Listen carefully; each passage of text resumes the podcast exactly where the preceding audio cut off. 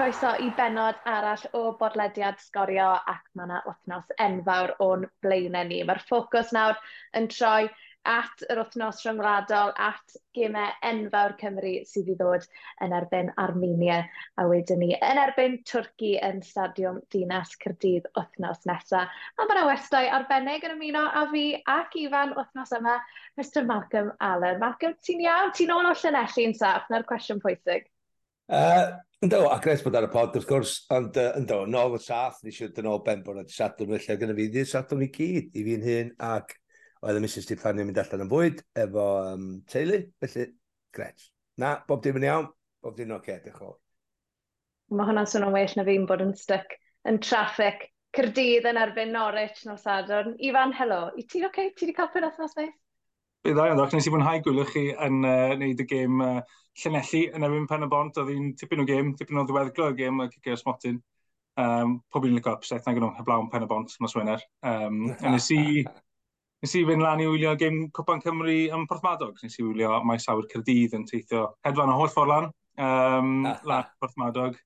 Uh, a dechreuon nhw'n wych, sgorio nhw'n y funud cyntaf, maes awr Cyrdydd, ond um, oedd Porthmadog yn eitha cyffyrddus am yn diwedd 5 i 1, ond uh, na, war y teg, nath yr tîm o be, hain pedwar rhoi tipyn o gêm ddyn nhw, so na, war y teg.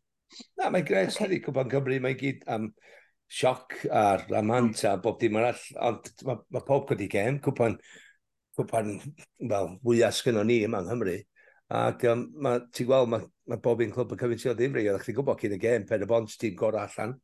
Um, ti'n bod, yn Llanelli, ond Llanelli ar y brig, Nawr, mae'n dangos faint um, o hyder ti'n gael gan momentum, jyst i golli un o'n dedd a gem, felly. Ti'n Tewa, ia, y bwlch oedd y broblem gyda fi, oedden nhw wedi con da, y chwaraewyr, ac oedd nhw chwaraew special. Um, chwaraew sy'n mynd i chwarae, na newch chi ynghyr, o illa gwell, tewa, mae'n un ar hugain wan, uh, Ethan Camden fel ia, ac uh, y goliau sgorio ddo, by the way. Um, ond mwy na hynny, oedd o'n just, dal i fynd ar 85 munud a wedyn nath o'ch cael anaf bach bechod i fynd oddi wrth y cae cyn, cyn y cicio'r smotin. Ond, ond dros y 90 munud, oedden nhw'n heiddiannol yn y marn ni, a wedyn nath nhw ddim mm. gadael pen y bont fynd i mewn i unrhyw fath o rhythm, ac os ydych chi'n neud hynna, ti'n bod ti wedyn yn ennill hawl um, i ennill y gem, a nath nhw'n neud hynny. Oedd hi'n dipyn o noson yn uh, Stefan Heath, neu Stefan Heath, fel, uh, fel i fi'n diodd ar weid, Ac os Mawx, ti di sôn um, tw'n llunelli ddim adael i Ben y Bont fe mewn i unrhyw fath o rhythm. Mae Ifan, actually, falle o'ch ti'n gwybod ti'n sylwebu lot ar gemau pen y bont. Fi'n cytuno dyma ac um, credu llunelli oedd yn hyd i mynd drwyddo. Be ti'n credu sy'n digwydd ym hen y bont ar hyn o bryd? Achos o'n nhw'n edrych fel tîm o just diffyg hyder, o'n nhw ddim yn edrych fel unen o gwbl, oce, okay, o'n nhw'n o'n nhw wastad yn ymateb, fe, tywed, fe geithon nhw'r um, tair gol, Lewis Alling yn union i'r sgôr gyda literally eiliadau uh, o'r 90 i fynd, ond ie, yeah, dyw Rhys Griffiths ddim yn mynd i fod yn, yn hapus iawn ar hyn o bryd. Na, dyw ddim wedi bod yn hapus uh, dros wythnos diwetha, achos dyw dwi garfan ddim wedi bod uh, ar ei gryfa, a mae hynna achos uh, anafiadau, mae wedi bod achos pobl yn cael ei gwahardd, a mi o'n nhw'n agos at ei tîm cyntaf nhw uh, dydd Gwener, ond falle bod nhw dal yn saffro'r hangover na o bod nhw heb cael momentum o'r gyngred, dwi'n nhw wedi colli yn mynd Aberystwyth, neb yn disgwyl hwnna. Ond achos bod nhw wedi mynd trwy'r patch yna gyda heb i carwyn cryfa, falle bod yn anodd i nhw fynd nôl mewn i fe, a mynd yn ebyn Llanelli sydd, fel Malcolm yn gweud, yn hedfan yn y gyngred, oedd e y just oedd y momentum gyda nhw i fynd mewn ar ataco'r gêm yn erbyn pen y bont, a dyna'r math o match-ups sydd yn creu siocs mewn gwpan. Ia, yeah, hefyd, mae'n rhaid i edrych ar pen y bont oherwydd, so faint o dda maen nhw wedi datblygu yn uwchgyngor Cymru dros y blynyddoedd dwytha. Ac wrth cyrraedd Ewrop am tro gyntaf, bod yn rhwng gynderfynol, yn ffeinal Cwpan Cymru yn y dwy flynedd dwytha. Um, ti'n edrych ydyn nhw wedi cryfhau, da ni'n gwybod nath nhw Nathan Wood fynd, nath uh, Whitmore, Sam Smith wedi mynd i'r bari. Felly gyda nhw chwaraewyr cryf wedi gadael. Chwaraewyr oedd ar, ar y ffringi yn dod i fewn i'r tîm cyntaf. Lle ti'n edrych ar y chwaraewyr mae wedi dod i fewn, da ni'n gwybod am Chris Venables Ond fe di ddod James cario'r can i gyd a ben ei hun bob tro. Uh, ti'n edrych ydy pen y bont yn gryfach. Dwi'n dall, un, er bod nhw'n seithfa safla, un pwynt maen nhw waith allan na goedden nhw roi'n 14 o gema amser un tymor dwytha. Ond dwi'n edrych o'r, or tu allan hyn a dwi'n meddwl, ydy Rhys Griffiths yn dal yn dysgu ar ei ffordd yn di wrth gwrs, Tio, er bod wedi bod yn y rôl yma ys rhai blynyddoedd rwan. Ond efo'r pres Ewrop, mae gen nhw fantais blwyddyn yma. Ac y lleoliad ma nhw o defnyddio Abertawe Cadydd Casnewydd yma neu ddod â chwaraewyr arfenthyg i mewn chwaraewyr ifanc, talentog a potensial uh, mynd yn ei blaenau. Dwi yn meddwl maen nhw wedi stan llonydd o tymor dwythau, ella di jyst cymryd cam yn ôl. I ac gath o ddechrau at sal y ddwy gem gyntaf. wedyn gath o rediad campus, wedyn gollon nhw pedwar ar, ar y bounce, a ti'n meddwl chdi dweud, iawn, maen nhw wedi gynharfon yr ofal lle mae, mae nhw wedi cyflawni mwy na o'n i feddwl a ddechrau'r tymor.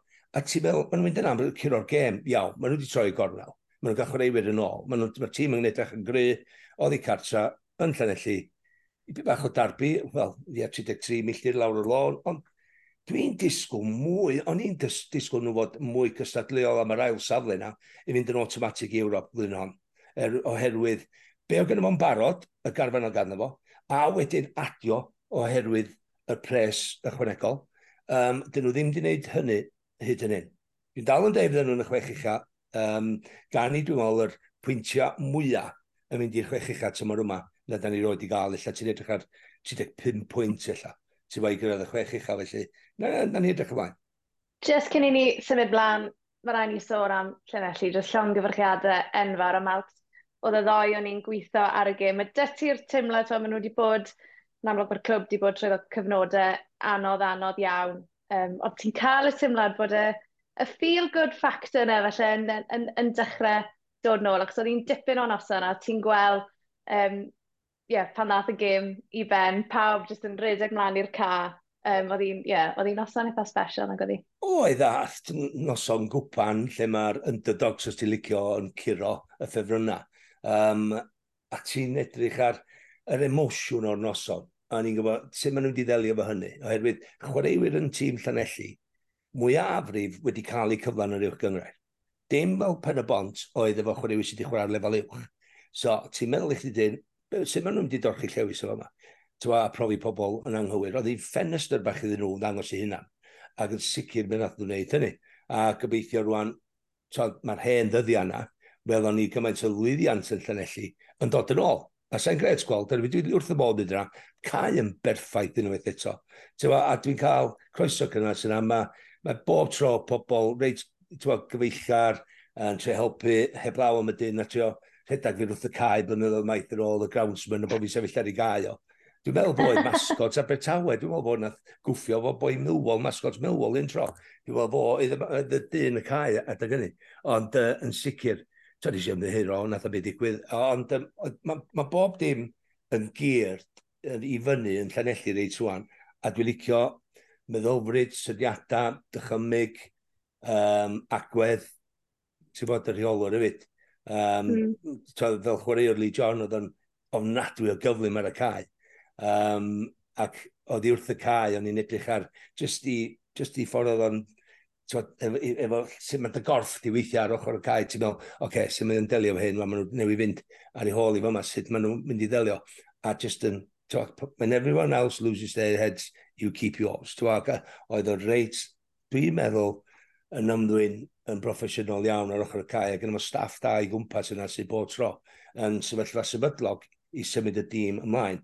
Ond y, y dathlu ar ôl y gem yn y gres, pawb o ben i gilydd dwi'n meddwl, sef i ddim wedi cerdded oddi wrth y gantri sydd ar ei penna nhw, dyna mae'n tychal oedden nhw ben i gilydd.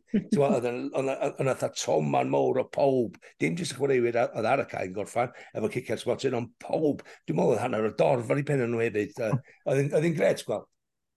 Felly mae Llanelli droeddo i rownd yr 16 ola. Ifan ti'n fel yn gloi, jyst ysgoffa ni o'r clybiau eraill yn naw clwb sydd ddim yn waren i'w gyngraedd Cymru sydd hefyd droeddo i rownd yr 16 ola?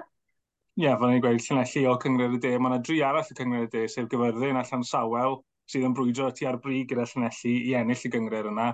A hefyd uh, mae Ceirau Trylai. Uh, hefyd o'r de, uh, o Hain tri, mae De Gwyr. Uh, yn y gogledd o mm. Hain tri, mae uh, Mynydd y Fflint a Flint sydd yn cyngred y gogledd. Uh, felly mae yna dri clwb sydd yn rhannu caf yna yn cael Castell, Mynydd y Flint, Flint a ceiconau i gyd trwyddo i rownd 16 ola. A yn ogystal â Flint, doi dim arall o'r gogledd sef Porthmadog, lle nes i weld yn curo maes awyr cydi dros penwthnos, a bwcle nath curo llen i'ch llyn dros penwthnos hefyd. Felly, ie, yeah, gobeithio, bydd yna siocs, mwy o siocs i ddod i gyfer y, y corteri. Mae'r ma dro ar gyfer y rown nesaf nos Wener, so gen i aros tan hynna i weld pwy bydd y match-ups.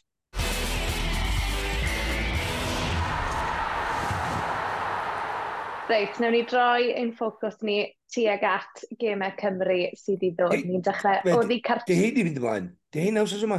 O, oh, di sio. Go on. Fi'n gobeithio fod nhw, mae'r pasbort yn barod, mae'r pasbort yn barod i fynd. Pa bryd ti'n mynd i Armenia, dy ferch am wedi clywed, ia? Di'n Mercher. Di'n Mercher, i ni off. Achos prynhawn dydd Sadwrn mae Cymru o ddi cartre mas yn Yerevan yn gwynebu Armenia a wedyn ni, ie, yeah, y gêm gartre yna yn erbyn Twrci. Marks, dwy gêm enfawr. Faint o ryddhad a faint o hwb yn seicolegol ti'n credu neu fferroi i Rob Page a'r chwaraewyr y ffaith bod nhw mewn rheolaeth o'r sefyllfa. Diolch beth i ni ddim yn gorfod dibynnu ar ganlyniadau gwledydd eraill yn y grŵp nawr. I ni'n gwybod ennill dwy gêm, a boes bach. Ni off i'r Almain haf nesaf. Um, mae'n neis, mae'n grybdar, ond mae'n anodd o chwaraewr i ddeud yna am blaen dy feddwl. Um, ti'n just gyda meddwl am yr un gem nesaf. Ti'n meddwl, o, oh, mae'n o'n ni wan. Dyna meddwl ni'n byd, geiriad hyn. Felly dwi'n meddwl just o ran cyn chwaraewr ar y cae, yr unig ffordd sef i'n meddwl wan ydy mynd i Armenia a curo'r gem. Mm. Um, sa chdi wedi gofyn fi nôl ym mis Mehefin lle o llawer bobl adeg yna, o, os oes ni'n y sefyllfa yma rwan, sa chdi di... Wel, dim ond, sa chdi di meddwl bod y person yna di bod yn yfad gormod, dwi'n meddwl. Ond uh, yn sicr, um, nes i ofyn y cwestiwn yn ôl mis mewn hefyn, a nes i ofyn be mae'r oped yn mynd i wneud yn wahanol. O rai ni weld rhyw fath o wahaniaeth. Ac dwi'n meddwl o ffordd nath o weithio allan yn ni fod ddwy gem cyfeillgar, enwedig yr un gyntaf mis Medi cyn mynd i fewn i gem Latvia. Dwi'n meddwl gath o ddefnyddio Ond am llawer o funud ar y cael di bod yn y tîm yna, uh, dechrau tymor mis awst. Ti'n mynd i mewn i syth i gem am mis Medi, a nath o ddefnyddio yr awr cyntaf yna lla uh, yn y gem gyfeilliad efo'i dîm oedd o rhan fwy yn nhw'n mynd i chwarae yn ebyn Latvia. A dyna ddigwyddodd. Ac nath ni gyro'r gem. Rwan, o hynny, dwi'n meddwl allan o just y canlyniad yn unig, nath ni gael y teimlad bach na nôl, de, o, da ni wedi cael yn gwrthio i'r gornel unwaith eto Mae'n rhaid pyn bach o sylw sŵn negyddol allan yna um, o ran cefnogwyr ella, um, o ran bod, pobl tu mewn i'r wasg, ac wedyn ti'n meddwl i chdi dyn, oce, okay, be maen nhw'n neud fel arfer, be maen nhw wedi neud dros y blynyddoedd di, torchi llewis, torchi llewis y dod allan efo'i gilydd ac yn brwydro ac yn cystadlu. Ac os oedd yna un ffordd oedden nhw'n mynd i lawr, oedd oedden nhw'n mynd i wneud hyn so, chwaraewyr na ddechrau'r gêm yna, benderfyniadau mawr di gael ei wneud cyn y gêm. Da ni'n gwybod, um, bod, o'na rei chwaraewyr ddim ar gael, oedden ni'n gwybod am Aaron Ramsey, oedden ni'n gwybod am Brennan Johnson, uh, ddim yn mynd i fod yna neu byn Croatia, felly dau o chwaraewyr sy'n mynd i ennill gêm i chdi. So ti'n gorau meddwl i chdi iawn ta, beth mynd i wneud? Ydy o'n mynd i chwarae David Brooks? Ydy o'n mynd i adael Daniel James allan? anfarth o benderfyniadau mae wedi gorfod wneud, a mae wedi gweld digon o'r cael ymarfer, mae wedi gweld digon o'r chwaraewyr talentog yma, lle oedd wedi gweld bynnag David Brooks efo'r gol na Latvia. So, cyn y gem, yr Croatia, nath o gychwyn, oedd David Brooks yn wedi cychwyn gem ys tair mlynedd i, i, i tîm rhyngwladol Cymru. Felly, tîm meddwl be mae o'n mynd i wneud yn Croatia. Ia, nath o ddewis y tîm ac oedd hi'n perfformio cyflawn, naw allan y ddeg, deg allan y ddeg i'r ein i nhw ond na ni siarad mewn dipyn dwi'n meddwl o beth sy'n digwydd ers hynny. Okay? Oherwydd mae'r canlyniad yna di edrych ar ôl i hun. Mae'n cyr yn benna'n ferthol i Rob Page efo faint o chwrifus gyda fo ar gael y blaw a Marwyn Ramsey mynd i mewn i'r gema yma. Y cyr yn ben fwy fydd iddo fo pwy mae'n dewis. A na ni sôn am hynny illa yn wyrach yn y rhaglen yma. Achos Melcs, fe wnaethon ni roi bach o waith cartre i ti cyn y gêm yn Llanelli nos Wener, a wnaethon ni ofyn i ti ddewis yr 11 bydde ti'n dewis i wynebu Armenia a ti di mynd am yr un 11 na ddechrau yn erbyn Croatia. Felly, sôn bach am hwnna. Bydde ti ddim yn dewis Brennan Johnson i ddechrau? Oce, okay, na i reid yma pam i ddechrau, ia. Um, a wedyn, illa, um, illa bod yna pros and cons am ei, ei gyda bad meidyn. Um, yn sicr, dwi'n edrych ar y tîm a dwi wedi edrych ar y clwbiau mae'r ma, chwaraewyr mae'n chwarae dros y mis dwytha ers y gema yn y byn Croatia. So os ti'n mynd o Dan Ward wedyn y pedwar, y pimp yn y cefn o'r dde, o'r dde chwyth, Conor Roberts, wedyn Chris Wepham, Joe Rodon, Ben Davies a Nico Williams. Wedyn y gwrthi Jordan James, Ethan Ampadu, wedyn David Brooks, Harry Wilson, Keith Moore. Oce, okay, dyna oedd y tŷ. Rwan ta, A bod y perfformiad wedi bod yr un gorau nath ni chwarae Gwlad Belg yn 2016. Y peth mawr ydy fan hyn ydy'r shift meddylio, meddylfryd yma. Da ni wedi cael es bod ni wedi qualify yn 2016. Mae yna disgwyliad. A efo disgwyliad, mae yna bwysa. Okay? So, mm. um, efo be nath ni wan, maen nhw wedi gosod i safon yn ebyn Croatia. I fynd a gadael rhywun allan yn y tîm yna rwan, um, mae'n mynd yn erbyn egwyddorion, dwi'n meddwl, pan mae'r Page wedi greu iddo fo'i hun fel person dros y blynyddoedd, mae'n reit ffyddlon efo, efo. Ond mae hefyd yn gwybod, mae gen i Dan James a Brennan Johnson, er nath o byd wrth y cae, mae dal wedi cael ei man y garfan heddiw. Um, nath o, to, mae Dan James a Brennan Johnson, ddau chwaraewr nath gychwyn i'w clwbiau dros y penwythnos wyth yma i Spurs ac i Leeds. Ond ti'n edrych ar pwy arall nath gychwyn. O'r tîm Croatia, i'w clwbiau dros y penwythnos yma. Joe Rodon, Ben Davies, Jordan James a Ethan Abrew. Pedwar chwaraewr. Nath gychwyn i'w clwbiau dros y penwythnos yma. Oedd na 5 wythnos cynt, oedd na 3 wythnos cynt. Felly, munudau ar y cae, dyn nhw ddim wedi cael efo'u clwbiau. Ond doedden nhw ddim wedi cael munudau ar y cae cyn gêm Croatia chwaith. So, dwi ddim yn gweld Dwi'n mynd edrych gymaint i fewn fo, dwi'n mynd meddwl gormod amdano fo, a mae'n mynd adre ddim wedi chwarae. Bydd y chwaraewyr yn barod am y llwyfan yma. Maen nhw'n gwybod be maen nhw'n gorfod wneud yn Armenia. Ac am bod ni wedi qualify o blwyddyn ar ôl blwyddyn efo lot o hein yn y garfan, ac mae'r ifanc hon yn dysgu am y disgwyliad shift na sy'n yn y pen pan ni yn gorfod qualify o. Hyn ydy'r gwahaniaeth o pan o'n i chwarae. Ydy'r mm. pan nhw wedi qualify o, a mae o yn y penna wan, da ni'n disgwyl i, i qualifier. Ia, yn rhai cysadlaethau, maen nhw wedi gwneud o'n hawddach i ni, lla efo mwy o, mwy o wledydd yn cael, ond dwi'n mynd poeni am hynny.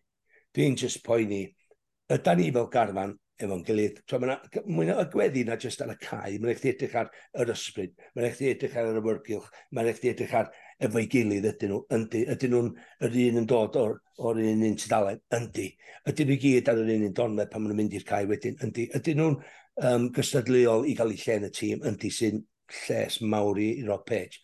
Felly mae yna deimlad, dyna ffordd dwi'n gael, dwi'n cael teimlad, da ni yn yr un un lle, ac oedda ni cyn 2016. Da ni'n cwffio neu lot o bobl allan yna, oherwydd y sylw negyddol da ni wedi gael a wnaeth y chwaraewyr ddim anghofio hynny. So maen nhw'n tynnu fo'i gilydd mwy na erioed fan hyn i fewn i'r gem anesio yma. Ac um, anfarth o gem, ond am gem i chwaraen. Am gem i fod drosodd yna, am gem i, i, i, fod, i fod yn rhan o yn barod wedyn am y gem twrci yna wedyn, ond um, mae'r ma cyffro'n dechrau rwan. Mae'r cyffro'n di dechrau, ti'n bod, i bythefnos yn ôl i fi, yn just edrych ar be oedd Rob Page yn deud bob un o hyn, nes i textio fo, oedd o textio fi nôl, ac oedd o'n, o just yr awch, yr angerdd, tywod, um, just methu disgwyl i gael yr ogia. Oedden ni'n misio'r brec pan ag oedden. Ti'n bod oedden ni'n mynd syth i mewn ar osos arall i mewn i gem Armenia ar ôl Croatia.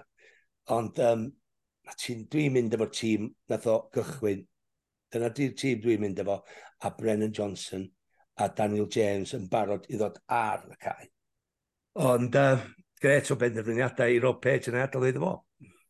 Mae'n luxury cael rhywun fel Dan James a Brennan Johnson i ddod ar y fain, mae'n rhaid i wedi. A fi yn dieddol o cytuno, mae pwy ti'n ti siomi rhywun wrth gadael nhw mas ar ôl dim yn unig y canlyniad erbyn Croatia, neu hefyd y perfformiad fel ti'n gweud, Mark. Dwi e ddim jyst ffaith bod ni wedi curo Croatia yn erbyn y disgwyl, ond bod ni wedi gwneud e mor convincing hefyd. Um, I fi, falle byddwn ni yn rhoi Brennan Johnson mewn, dim yn lle Keeper Moore, yn lle David Brooks. Um, a just, a, cadw Keeper Moore anno, achos mae math chwarae ti moyn mewn gêm oedd i cartre. Mae'n rhaid i chwarae Keeper Moore. Ie, mae'n rhaid i chwarae Keeper Moore, Ifan, dwi'n dwi rili teimlo oherwydd heb fo, mae sam opsiwn i daflu'r bel i fyny na weithiau. Na, na. Um, I dyn ar y bel. So os dwi'n ganol cael, dwi ar y bel a dwi bach dan bwysau, dwi angen jyst illa bod yn uniongyrchol i jyst cael y tîm i fyny'r cae. A mae Ciffer yn mynd i redag i chdi lawr y Siareli, mae'n mynd i giro beth yn yr awyr hefyd. Ond os gynnwch chi chwaraewyr. Oherwydd ti'n misio colli y balance, ti'n misio colli'r steil o be na ddigwydd i edrych ar y stratega'n iawn yn ebyn Croatia. Faint o beli a that Ciffer a deg llath i ffwrdd oedd Harry a David. Dyda ni'n di bod fel aes dalwm. Fel, ti'n os ydych chi ddod â Brennan i mewn, mae Brennan yn chwarae gem i hyn. Mae David yn dysgu yn gwybod mae'r efo fod o gwmpas Cif y Môr am, twad, am fod penio pethau lawr, neu os di'n challenge a mae'n frwydr, sy'n llawr am ddiffynwyr yn cael y gorau o Cif yr eilledd y bel i fyny, neu ddim yn bell. So neb yn penio dros o i'n glir, so mae'n eich ti'n cael pobl yn agos. A dyna di y gwahaniaeth, y pellter rhwng yr amddiffynwyr, y canol cae a'r blaenwyr. Dyna be oedd y gwahaniaeth oedd ni yn y byn Croasia. O'na ddim lle ti'n edrych ar pwy oedd y tri oedd yn chwarae'n ganol cae. Kovacic, Bozovic, Modric. Pwy di ni da? Ti'n gwybod, dyna ar ôl y gem, oedd chi'n siarad am Jordan James a Ethan Ampadu, mwy na to, Brozovic, Modric a Kovacic, a maen nhw'n chwarae fi gorau yn y byd. Felly, ti'n ti gorfo edrych ar... Uh, um, mae'n fwy na'r balans, mae'n fwy na'r stael, just y ffordd oedden ni gyd hefo'r bel, neu hmm. heb, heb, heb bel, mewn meddiant neu allan o meddiant, oedden nhw gyd efo'i swyddau, oedden nhw gyd efo'i cyfrifoldebau, oedden nhw gyd efo i, i, yn gwybod yn union be oedd y reolwr tw'r cynllun y plan am y gen. Wedi mynd allan yna a di wneud o broffesiynol, a di wneud o ar ei gora, a rhaid nhw ar y gora da ni'n di weld y blaen. So, gora maen nhw wedi bod. A mae yna fwy o ddatblygiad i'r tîm yna. Felly, um, dwi'n eisiau dweud, mae ma eisiau Dan James a Brennan Johnson cwffio nôl i gael hyn yn y tîm, na. Ond cael hynny gofio, mae gennym ni ddwy gem enfawr mewn pedair dwrnod. Mynd i Armenia efo'r un tîm. Dwi'n mynd deud, mae'n mynd i gadw'r un tîm am gem adran efo'n Twrci oherwydd beth eraill. Ti'n gwybod beth sy'n mynd i ddigwydd gem na. Ond yn Armenia, gem gynta, oedd i catra, dwi o'n gweld ni'n aros yr un peth. Pan nath ni Twrci a golli ddwy, gem, uh, ddwy gol i, i ddim na dipyn, mae'n dipyn nôl, ond. Ond y Gardyn Coch, gofio, Joe Morel, ar ôl 41 o funudau, hanner cyntaf. Wedyn, ydych chi'n deg dyn, ac yn y tîm yna, o gynnwch chi dy Ramsey, o gynnwch chi dy Brennan Johnson, o gynnwch chi dy Dan James, ond oedd y steil o chwarae yn erbyn Twrci nos o'n yna. Dwi'n gwybod mae'n anodd efo degdyn, ond i fi, gathon ni, gathon ni, tywod, y perf, perffaith y berfformiad yn y mynd Croatia a bydd angen un o hynna eto. Ie, yeah, mae yna ddwy gym enfawr i ddod. Ifan, fi'n gwybod, mae, fi wedi siarad y cyfnod o gefnogwyr yn barod, a lot o bobl yn siarad am y gêm na yn erbyn Twrci. O, oh, ffili aros, ni gartre, mae'n mynd i bod yn dipyn o noson. Ond, mae'r gêm na yn erbyn Twrci, dim ots am hwnna, os i ni ddim yn cael y canlyniad sydd angen mas yn Armenia, a fi ddim o'n bod yn y gyddol fan hyn, ond wrth gofio beth ddigwyddodd dros yr haf yng Nghyrdydd, dy, dy Cymru yn colli yn erbyn Armenia, jyst yn noson hollol siomedig na. I, i ni ffili cymryd unrhyw beth yn ganiataol mas yn Iarafan. Na, fi wedi bod mynd mewn i'r gêm yma tan yn ddiweddar iawn yn eitha pessimistic yn meddwl ni ddim yn mynd i wneud i, achos ni ddim yn mynd i allu matcho canlyniadau Croatia, ni'n mynd i wneud rhywbeth. A, a mae'r gêm na yn ôl mis Mehefin yn rhan o hwnna. Ti'n gallu meddwl fel, mae'n ma, mynd i slip o lan efo Armenia eto, ond ti'n hynny Armenia, 15 gêm gatha nhw, dwy gêm yn o'r ennill. A mae'r mm. dwy hmm. gêm na ddod o'n mis mae hefyn. O'r gatha nhw haf mor dda Armenia, a mae fe jyst yn hollol random yn ganol rhediad maen nhw. Mae fe, ni'n mynd i edrych nôl ar, gallwn ni gael pedwar pwynt allan o'r ffenest yma. Eraill allan Armenia, gêm gyfartal yn mynd Twrci. A bydde y ffenest rhwng a bydde'r ymgyrch rhwngwladol yma actually reit da, heblaw am un gêm, mm. sydd wedi Triple lan, sef y gêm gatron nefn Armenia. Mm. Felly, um, yeah, edrych arno fe nawr, dylen ni fod yn mynd mas na ennill. Er bod ni wedi colli, a mae hwnna'n mynd i fod yn cefn meddwl uh, chwaraewyr Cymru, ni'n mynd i offer ennill e, ni'n gallu ennill e, dylen ni, dwi'n mynd mewn o fe ffefrynnau, a mae dyle Cymru fi mewn yna gyda pwynt i brofi yn hytrach na meddwl, o, wnaethon ni mae yna potential slip-up fan hyn. Mae yna pwynt i brofi, a dyna mae dyle fe fod... Um, ond ie, yeah, dyle gyda'r rhediad nhw, fi definitely meddwl dylen ni ddod yn dod mewn i'r gêm yna byn Twrci uh, gyda'r popeth dal yn ein dwylo ni.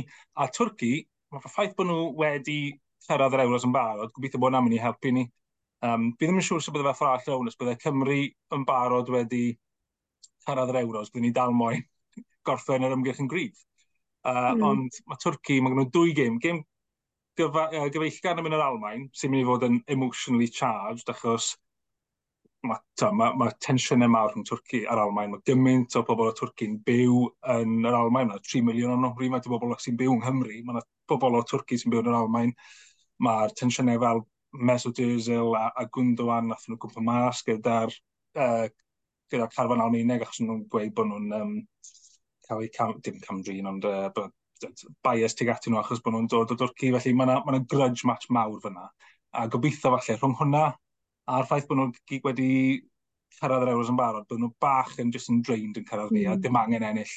Ie, yeah, Mel, cys mae Stadiwm Dinas Cyrdydd wedi gweld lot o nosweithi special iawn dros y blynydde. Ffaith bod Cymru yn cwpla'r ymgyrch gytre yn erbyn Twrci, just pa mor bwysig mae'r cefnogwyr yn mynd i fod. A mae jyst rhywbeth am y stadiwm yna, agos pa mae, yeah, when it's all or nothing, pan mae popeth yn afantol, mae just, yeah, mae wastad, uh, mae pethau special iawn yn digwydd. No, mae yn, mae yn, mae'n mae anodd weithiau i trio disgrifio fo. Um, sydd noson ydy'r lle pan mae'n bwnsio fel ac um, mae'n sôn, ti'n lle mae'r ma dorf yn ychwanegu i chdi ar y cae, ti'n ti glwad o, ti'n deimlo, o, ti yn. Dwi'n meddwl beth wnaeth neb ddeud, fel chwaraewr, o'n i, o'n i, hefyd ddeud yn y parth cyn gêm, pan o'n i'n siarad fi'n ystafell newid, wedyn unwaith o'n i'n mynd allan, oedd chdi rhyw ffynnu ar yr awyrgylch, oedd chdi'n, ti'n meddwl cael y teimlo yma, oh, dwi'n mynd i wneud fel special eno, a dwi'n mynd i gyro'r gema. Ti'n gwybod, a union un peth o'n i'n gael pan o'n i'n sylwebu'r gema Cymru yn y stadiwm yna dros y blynyddoedd, o'n i'n teimlo sa'n sa neb na ddim byd yn mynd i gyro ni heno. Ti'n gwybod, oedden ni'n, atha, oedden neb yn mynd i stopio ni. A, a dwi'n dal yn cael y teimlad yna. Um, ti'n gwybod, pan mae anthem genedlaethol o ddechrau'r gêm i ddiwedd y gêm pan maen nhw'n canu eto rhyw 50 munud i fynd a mae o'n dwi'n meddwl bydd chdi uh, ddeud faint mae o'n feddwl i'r chwaraewyr a sy allan yna ar y cae a hynna sy ar ochr y cae Tewa, mae o'n meddwl gymaint bod y cefnogwyr tu ôl i nhw. Da ni wlad fach o gwmpas y byd yma, ond gyda ni lais mawr. Ac yn y stadiwm, mae dda bod pob wedi cael ei pacio mewn o Gymru gyfan i fewn i mhm. stadiwm Cardydd ar nosweithiau fel un. A dda thaba ni fo'n gilydd yn ebyn y byd. Ac mae'r chwaraewyr yn teimlo un ar y cae, yn sicr o hynny. Um, dwi wedi cael gymaint o nosweithiau gofiadwy a fydd yr un twrcinio'n un peth. Um, wneith i fynd i'r gêm ola. Nath ni, nes i ddweud ar ddechrau'r ymgyrch, na i fynd i'r gêm ola rwan. Os da ni, ond i'n gêm i ffwr o gyrwyn y byn Twrci a mynd rwan. Ac mm, dwi'n gobeithio, dwi'n mynd, dwi'n mynd i ddweud ymhenni mewn lle canio tal bod ni'n mynd i gyrra Armenia eto. Ond um, am noson yn ebyn Twrci, um, mi fydd i. Ac yn noson, mi na ni, na ni obeithio mynd trwad hefyd. Edrych ymlaen, jyst edrych ymlaen i twad er... Um, dwi'n dal yn teimlo rhan o'r peth. Dwi'n dal yn teimlo rhan o'r peth, er bod fi'n gyn chwaraewr dyddiau yma, ond dwi'n dal yn teimlo yn rhan. Dwi'n ffrindio mawr o'r page, dwi'n ddeud ag oed. Mae wedi gwneud mor mor dda i ni. Oedd o ddim, ddim wedi bod yn heiddi'r feirniad na, um, ond yn sicr canlyniadau sy'n yn, sy yn um, dylanwadu beth sy'n wedi digwydd i unrhyw reolwr, ond fyna ddim golwg o hynny yn y was dros y dyddiau nesaf. Bydd ar ddim golwg o hynny o'r sŵn yma Uh, yn nynlla, just uh, pob yn canolbwyntio ar un peth ac yn ffocws ar Ciro Armenia a wedyn y gem yn y byn Twrci adra. Ond um, dwi'n gobeithio mae toc yna chi, yn barod gyda chi am y gem Twrci na, oherwydd bydd na ddim tocyn i gael, boes ma. a just i'ch atgoffa chi, bod gemau Cymru yn erbyn Armenia a Twrci, maen nhw'n fyw ar S4C. Gemau eraill i ni'n rhoi sylw i Ifan yw gemau dan tîm 1 ar hugen Cymru. Fi'n gwybod ti wedi bod yn sylwebu ar gemau yn yr ymgyrch hyd yn hyn. Maen nhw'n wario gwlad yr ia a Denmark wythnos yma. A Ifan am ymgyrch y tîm Matty Jones yn cael. Maen nhw'n ddigiro ar hyn o bryd. Maen nhw'n ail yn y grŵp tu ôl i wlad yr ia ie. Ie. Jones yn, yn reolwr hapus iawn. Ie, yeah, mae, dwi'n mewn i'r gym ma, mae dwy gêm yn olynol yn y ffenest. Tro cynta i ni gael dwy gêm yn yr un ffenest. Tro cynta ni gael gêm y gatre, mae'r tair gêm wedi bod i Gymru. Mm. A, um, a gweud, di giro. Ond mae'r tair gêm wedi bod oddi cartre hefyd. Um, gêm oddi cartre cynta yn mynd Denmark. Dim disgwyl nhw cael unrhyw beth allan y gêm yna. Gêm gyfartal. Ciran yn Lithuania, a wedyn oedd Fia Malcolm yn sylwebu ar y gêm na erbyn Gwyrnydd Czech. A o ti'n meddwl ffordd nath Gwyrnydd Czech chwarae yn y hanner cyntaf, o'n nhw yn tipyn cryfach na Cymru.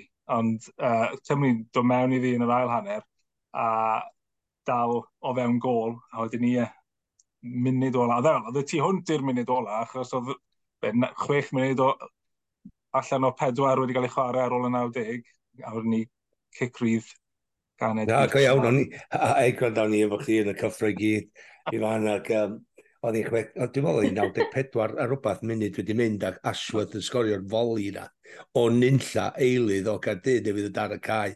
Ac oedden nhw'n heiddi, cofia, y oh. perfformiad yn yr ail hanna na, oedden nhw'n heiddi rhywbeth allan o'r gêm. Gath nhw'n chwalu hanna'r gyntaf, a Lucas mynd i mewn o un gol. Ond pan mm. ti'n mond un gol, de, mae'r nerfs yn newid yn sydyn iawn unwaith ti'n dod allan yma dy gymffonau fyny. Ond ella yna rei chwaraewyr dim i Gymru yn meddwl mae'r cyfle di mynd. Mae'r cyfle di mynd, oedd i mor hwyr yn y gêm.